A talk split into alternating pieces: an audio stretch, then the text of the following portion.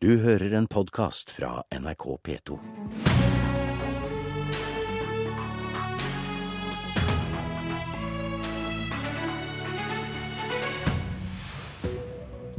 Opposisjonen fremmer i dag forslag om å forby atomvåpen. Dette vil undergrave vårt forhold til Nato, svarer regjeringa. Og er det krise på kantene i norsk politikk? Frp får 8,8% SV 3 i NRK sin nye kommunevalgmåling. Trodde du at kampen mot atomvåpen tilhørte politisk interesserte på 80-tallet? Ja, da må du tro om igjen. For i dag fremmer Venstre, Senterpartiet og SV et forslag i Stortinget om å jobbe for å forby atomvåpen. Og Bård Vegar Solhjell, nestleder i SV, hvorfor bør Norge som første Nato-land gå inn for et internasjonalt forbud mot atomvåpen? Fordi atomvåpen er det grusomste våpenet verden har funnet opp. med katastrofale humanitære konsekvenser hvis det blir brukt. Og biologiske og kjemiske våpen, de andre masseødeleggelsesvåpnene, er forbudt, men ikke atomvåpen. Og mange tror det tilhørte 80-tallet, kanskje sånn som programlederen uh, her. Uh, men uh, risikoen for, med knytta til atomvåpen er trolig større i dag. Det er flere stater som har det. De kan lettere komme på enda farligere hender, terroristgrupper osv. Og, så og risikoen knytta til lagring er fortsatt betydelig. Eh, og nå har Norge for noen år siden satt i gang et internasjonalt initiativ om de humanitære konsekvensene, altså hvor farlig bruken er. Nå er det mange titalls stater som har slutta seg til arbeidet for et forbud. Norge er en naturlig leder i sånt arbeid, sånn som vi har vært mot landminer og klasevåpen, og vi bør fortsette å være det. Bård Glad Pedersen, statssekretær i Utenriksdepartementet for Høyre. Regjeringa ønsker vel ei verden fri for atomvåpen. Kan en ikke da støtte et forbud? Nei, vi ønsker en verden fri for atomvåpen, og vi støtter aktivt arbeid for nedrustning og for ikke-spredning. Men jeg syns det er et dårlig eh, forslag SV nå kommer med, eh, om å nå starte et arbeid for et eh, forbud, fordi at det er i strid med våre Nato-forpliktelser, og fordi at det kan undergrave det arbeidet som faktisk gjøres for nedrustning og ikke-spredning. For å ta det eh, første først Men På hvilken si, måte er det i strid med våre forpliktelser i forhold til Nato? Natos strategiske konsept som ble beslutta da Bård Vegar Solhjell satt i regjering, med støtte fra den norske regjeringa, sier at så lenge det finnes atomvåpen i verden, så må også Nato ha atomvåpen. Det tror jeg er fornuftig, nettopp fordi at konsekvensene av atomvåpen er så store at man kan ikke tillate at andre har det, uten at også eh, Nato eh, har det. Og Vi eh, vet jo at et forbud vil ikke ha noen effekt på de landene, på de statene, som undergraver det arbeidet som er for nedrustning. Og den virkelige dramatiske utviklinga vi står foran, det vil jo være en spredning til stadig nye land, eller i aller verste fall til terrorgrupper.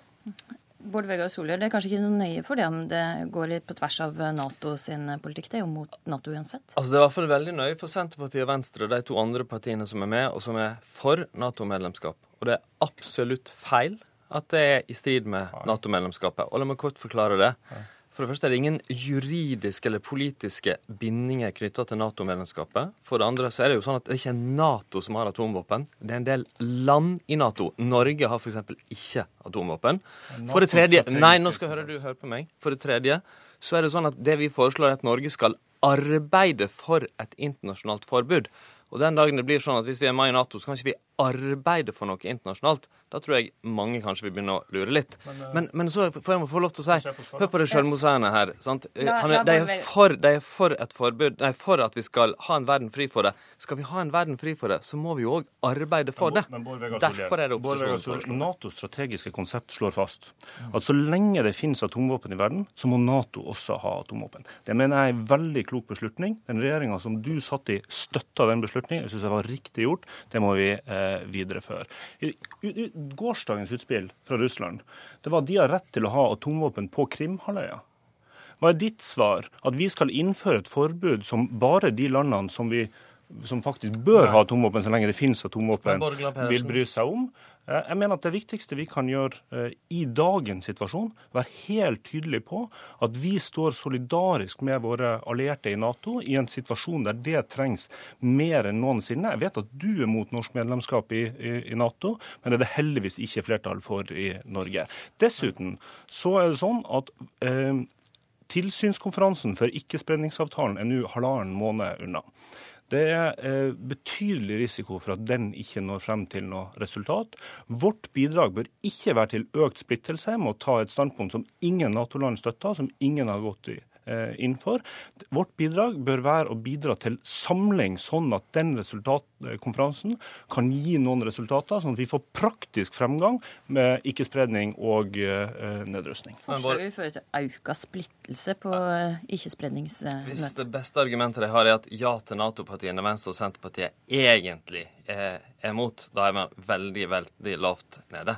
Det, er altså, det er ingen tvil om at det er innenfor det strategiske konseptet, altså den avtalen Nato har, som Norge har slutta seg til, at Norge òg kan arbeide internasjonalt for et forbud. Ja, og det er faktisk, nei, men kan, kan, vi droppe avbrytelsene nå? La Solhjell få snakke ut først. Så snakker vi ut. Eh, det er altså veldig viktig at ett Nato-land gjør det ganske mange vil være enig i, Tyskland og andre, nemlig går foran og sier at vi vil jobbe for det internasjonalt. Og det er jo fordi at det at vi har atomvåpen i verden, at det er så store arsenaler, det er en trussel mot internasjonal fred og sikkerhet. Og nå nikker du. Og hvis du er enig i det, så må jo minstekravet være at vi kan jobbe for å få andre land med på det. Det er sånn vi har klart å fjerne klasevåpen. Det er sånn vi har klart å redusere landminer rundt omkring i verden. Det er sånn den typen lederskap som vil bringe slutt på atomvåpen. Og det, det høres ikke så urimelig ut. Det høres ikke så urimelig ut at en skal jobbe for et internasjonalt forbud mot atomvåpen. En skal jobbe for avskaffelse av atomvåpen. Men ikke et Problem, forbud. Men problemet er ikke forbud. Forbud vil bare ramme de som bør ha atomvåpen så lenge det finnes atomvåpen, nemlig eh, Nato-land. NATOs strategiske konsept slår fast at målet må være en verden fri for atomvåpen. Det er jeg helt enig i, men så lenge det finnes, må også Nato-land ha Men må jeg få snakke ferdig. Eh, Obama har jo tatt initiativ til eh, ytterligere nedrustning. Altså 90% av atomvåpnene finnes mellom har Russland og USA. Obama har tatt initiativ til at eh, ytterligere en tredjedel av atomvåpnene eh, skal fjernes. Eh, det har Russland fortsatt eh, ikke svar på. Atomvåpen er en stadig viktigere eh, del av deres forsvarsstrategi, og gårsdagens utspill er at de har rett til å ha atomvåpen på, på Krim. Vi må gjøre en analyse som ikke baserer seg på SVs oppslutning på måling, men som baserer seg på hva er det som skal til for å faktisk få fremgang i dette arbeidet. Okay, og det er praktiske resultater på, på nedrustning og ikke-spredning. Altså, jeg at Det viktigste argumentet nå her er å bare bringe fram SV og Nato og masse greier. Ingenting på realiteter. Det, vi, det som jeg tror er det reelle problemet med regjeringa, som gjør at de ikke får støtte det, at de ikke ønsker å ta den støyten det er å være en leder. En leder går foran får ofte litt kritikk av andre land, men bringer òg resultater. Det er sånn Norge har opptrådt i utenrikspolitikken i mange saker.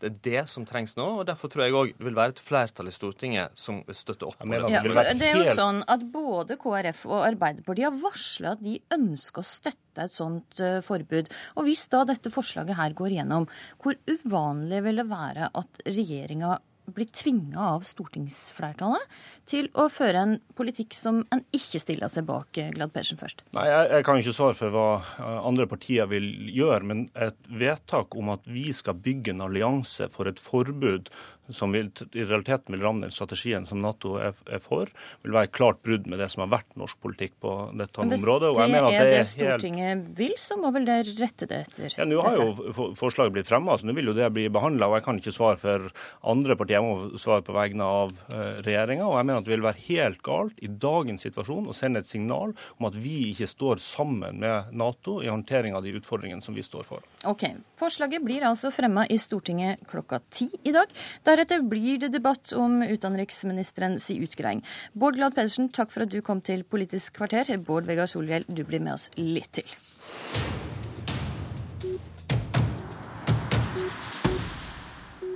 Som jeg har hørt i Dagsnytt, har vi ei helt fersk meningsmåling her i NRK i dag, der vi spør hva ville folk stemt hvis det var kommunevalg i dag.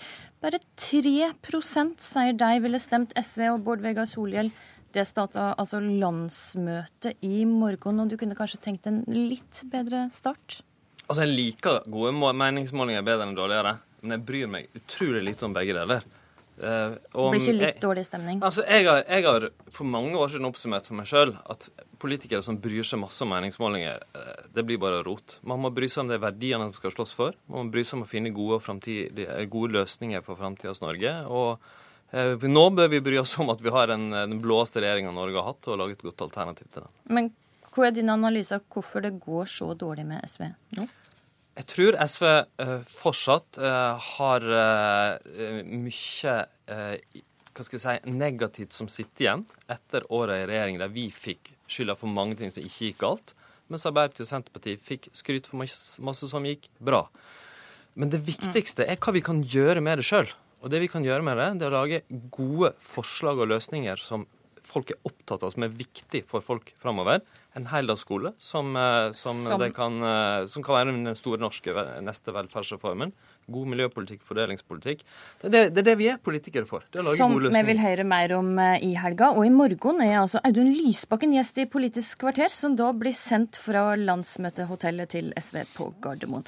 Hege Ulstein, kommentator i Dagsavisen. I en kommentar i avisa så skriver du at hvis en skal være riktig stygg, så kan en sammenligne SV sin posisjon med et dårlig nachspiel. Hva mener du med det? Ja, Nå er det spørsmål om vi skal være så stygge så tidlig på morgenen. Men eh, nei, altså poenget er at uh, festen er over for SV.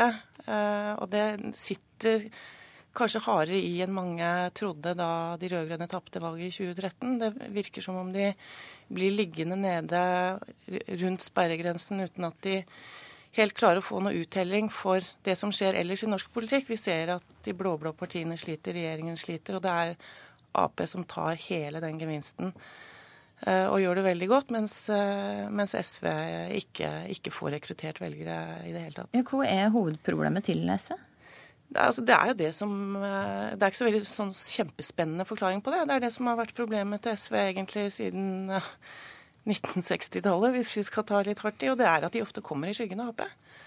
Eh, det så vi da de var i, i regjering, eh, som Solhjell forklarte at de eh, ofte ikke fikk den uttellingen som de i hvert fall selv mener at de hadde fortjent for de sakene de sto for. Men, men at Arbeiderpartiet ofte tok, uttelle, tok æren for det, og så sitter SV igjen og får mye skylda for det som går galt. Og, Aleine igjen på et litt dårlig nachspiel. Ja, og jeg tror også at dette forslaget om heldagsskole er, kan være at SV foregner seg at hvis de, hvis de, skulle få til noe sånt i et samarbeid med Arbeiderpartiet, så, så vil det nok fort si at det er Arbeiderpartiet som får æren for det, og ikke SV. Men det vil tiden eventuelt vise. Lars Nehru Sand, kommentator her i NRK. Det andre partiet som ikke kommer så veldig godt ut i denne målinga, er Frp. 8,8 Hva er det som har skjedd? Det er naturlig å koble det til en viss eh, regjeringsslitasje når de for tredje måned på rad med korrigerte tall ligger eh, an til å gjøre et kommunevalg på under 10% Jeg tror eh, Frp Det vil utløse no, noen interne debatter bare om man ser nitallet, og, og enda, med enda større styrke hvis man, hvis man ser åttetallet. Det som er FrPs eh, problem, er selvfølgelig at det er vanskeligere for Frp å løfte seg i kommunevalg enn i eh, stortingsvalg. De har sterke men få eh, lokale profiler, og gjør det ofte dårligere ved lokalvalg. Begynner en i Frp nå å diskutere regjeringssamarbeidet, Ulstein? Jeg tror ikke én meningsmåling eh, kommer til å utløse en sånn diskusjon, men det er jo Dette er jo ikke den eneste målet? Nei, det er ikke den eneste. Men det er, det er noen altså, For det første så tror jeg ikke det vil være aktuelt for Frp å, å begynne å gå ut av regjering så lenge Siv Jensen er partileder. Det er veldig mye prestisje knytta til dette prosjektet. og hvis de skal gi opp nå, så vil det på en måte være et bevis på at Frp ikke tålte å sitte i regjering. Så det, det, tror jeg sitter veldig langt inne. Men det er helt opplagt at det blir en diskusjon på grasrota i partiet hvis de får et resultat i valget til høsten under 10% Altså Det er jo en alvorlig advarsel. og det og Da må vi også legge til at egentlig er de ganske heldige, for de blir målt nå mot kommunevalget i 2011, som er et av de dårligste Frp noen gang har gjort. Så hvis de går tilbake fra et så dårlig resultat, så er det jo en veldig veldig klar beskjed fra velgerne. Vi må kjapt innom ei sak til, for senere i dag så er planen at regjeringa og samarbeidspartiene skal legge fram forslaget til endringer i arbeidsmiljølova. Men det er fremdeles usikkert om KrF blir med eller bryter. Lars Nehru Sand, hva er siste nytt fra forhandlingene? De tok en uventa vending i går kveld. Eh, som du sier, så er det ikke nødvendigvis sikkert at Kristelig Folkeparti blir med eh, videre og helt i mål. Eh, samtidig kan det være at dette blir løftet opp på parlamentarisk ledernivå for å, å prøve å få til en firepartis enighet som vil kle regjeringssamarbeidet best. Vi får følge med på nyhetene utover dagen. Med det var Politisk kvarter slutt. I studio i dag var Astrid Randen, og vi er tilbake samme tid, samme kanal, i morgen. Du har hørt en podkast fra NRK P2.